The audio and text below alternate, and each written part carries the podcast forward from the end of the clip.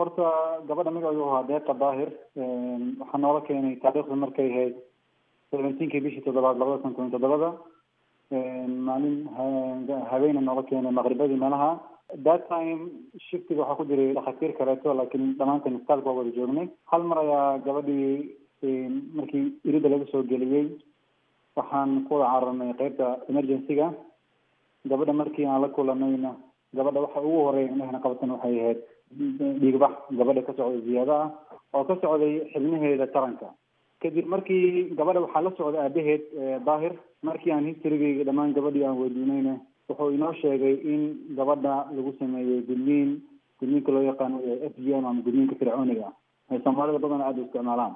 Markii aan historyga sii wadnay gabadha markii noola keenayay laba maalmood ka hor la guday gabadha laba maalmood ka hor tuulo la waxaa lagu guday olol oo hoos timaada magaalada dhusmareed laakiin gabadha isbitaalka markii loo keenay waxa ugu darnaa oo annaga aan la tacaalin wuxuu ahaa bleeding gabadha dhiigbaxa ka socday iyo gabadhii oo waday convulsion ama qalal jarees gabadhii waday.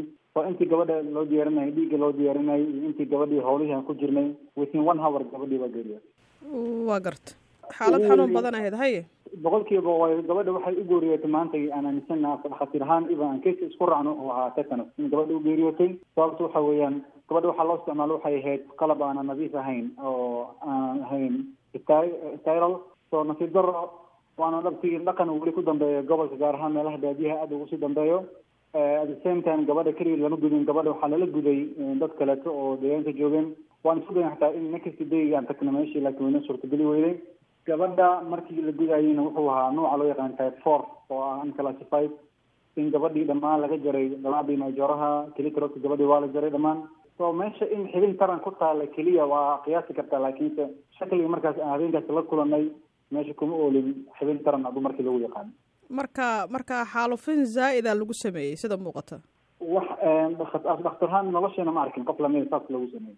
Waa gartay. Marka sida muuqata teetana u dhimatay mar hadday jiraynaysay dhiigbaxna uu jiray waa xaalado isku jira bay u geeriyood kole dhakhaatiirta idinkaa iga waran laakiin aabaheed ma wareysateen waxaa arrintani gabadh yarta ay ugu dhacday. Wallahi waa dhaqan soo jirena oo deegaanka ka jiro. Aabaha xitaa markii gabadhii waa dhimatay xitaa asiga wuxuu noqday dismoral xitaa waxaan ka codsanay inuu keeno labada galeeto ee guriga joogo. Ayaan ka codsanay inuu keeno the first time waa noo ballan qaaday inuu keeni doono. Laakiin nasiib daro haddana maysan dhicin gabadhii haddana in uu noo keeno. Kuwii kale? Yes labadii kale weli waxay ku maqan yihiin ololay ku maqan yihiin laakiinse weli waxaan ku jirnaa follow up oo inaan raadino. Still telefoonkiisa waa inaan dhamaan laakiinse weli wax rasmi ama jawaab maana ka ma daba gasheen markaasi labadaa gabdhood kolley sida muuqata isku xaaladunbaa iyaguna lagu guday laakiin gabadhan yartoon baa teedii gashay oo nasiib darrada ku dhacday. Marka si labadaa gabdhood ee kale ee iyagana lala guday gabadhan xaalad lamida sida gabadhan yartee dhimatay deeq oo kale aanay ugu dhicin dhakhaatiir ahaan waxaa laga dhici karta in aabaha uusan fahansaneyn waxyaabaha keenay geerida gabadhiisa. Inkastoo waktigeedii u galay. Marka ma daba gasheen ma isku dayda inaad uga daba tagtaan tuulada olol dhakhaatiir ahaan? In badan caaisha waa isku dayna boqol kiiba boqol. Xitaa istaafka qaarkood isbitaal ka shaqeeya ayay waxay leeyihiin relative leeyihiin. Waa la xiriirnay xitaa by telefon waan kula hadalnay. Laakiinse waxaa moodaa weli inay ka cagajidayaan inay soo dhiibaan gabdhaha soo haray. Marka xaaladda gabadhan yar deeqo. Ma qofkii ugu horreeyey oo noociisa aad la kulataan baa mise horey cisbitalka xanaana way u soo martay gabdho sideed oo kalea oo la guday oo dhigbax noocan oo kala qaba? I think da waa markii saddexaad aan la kulanno laakiinse hadda aan la kulanno deeqo waa noocii noogu horreeyey ee aan aragno oo typekan loo gudo. Waxaan aragnay gabdho badan markii la guday automatically ku dhacay dhigbax ku dhacay. Markii la keenayna aan u sameynay in dhiiggii ama xididkii aan ka xirnay oo dhiiggii ka socday attemtan xitaa laakiin dhammaantood waxay ka sinaayeen in gabdhahaasi wada hayeen f g m. Haba kala duwanaadaan typeka loo sameeyo oo kala nooc ah laakiin nooc deeqa ku dhaca wuxuu ahaa nooca dhabtii annaga weli aan hore u arkin.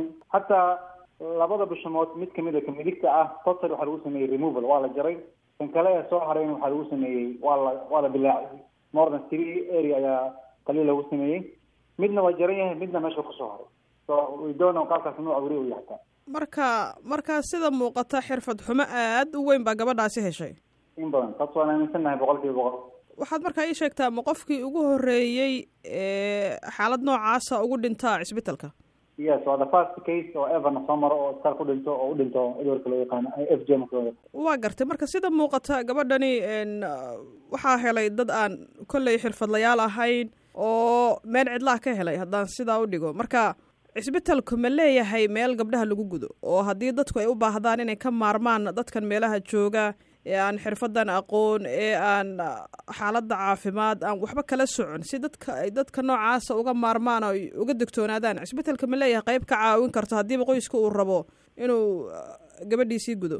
Isbitaalka waxa keliya uu leeyahay waa gudniinka loo sameeyo ragga wiilasha keliya leenahay isbitaalka annaga isbitaal ahaan ma gudno gabdhaha xitaa waxaan isku dhakhaatiirteena ha noqoto shaqaalehena baad caafimaadka ha noqoto. Waxaan u taagannahay dhabtii in totally aan joojinaba gudniinka gabdhahana loo sameynaya gobolka waa gartay. Arrintan hadda ka dhakhaatiir ahaan maxaa kaalina ama idinkala gudban baad is leedahay. Maxaa ka qaban kartaan arrimaha noocan oo kale ah? Si aanay u soo noqon. Dhabtii haatan meesha hadda waxay ka dhacaan badana waa meelaha baadiyaha ah aanan lahayn social media ama aanan lahayn idaacad ama aan laga dhegeysan karin. Laakiinse isbitaalka hadda annaga aan joogna xanaan wuxuu leeyahay outreach mobile teams oo caafimaad ah ee baadiyaha gaarsiiyo. Wixii healthy nutritionka dadkay u baahan yihiin gaarsiiyaan. So isla maalintii gabadhii ay dhimatay maalintii xigtay tiamkii waxaan u daawacnay boorar ku daawacan halkudhigyo iyo message u gudbinayna bulshada inay sameeyaan wacyigelin ziyaada ah iyo shaqaale caafimaad ka sameeyaan. Dadkana deegaankaas joogaan hooyooyinkaasna ay u sameeyaan miitino ama kulano ay ku wacyigelinayaan in guud ahaanba la joojiyo gudniinka fircooniga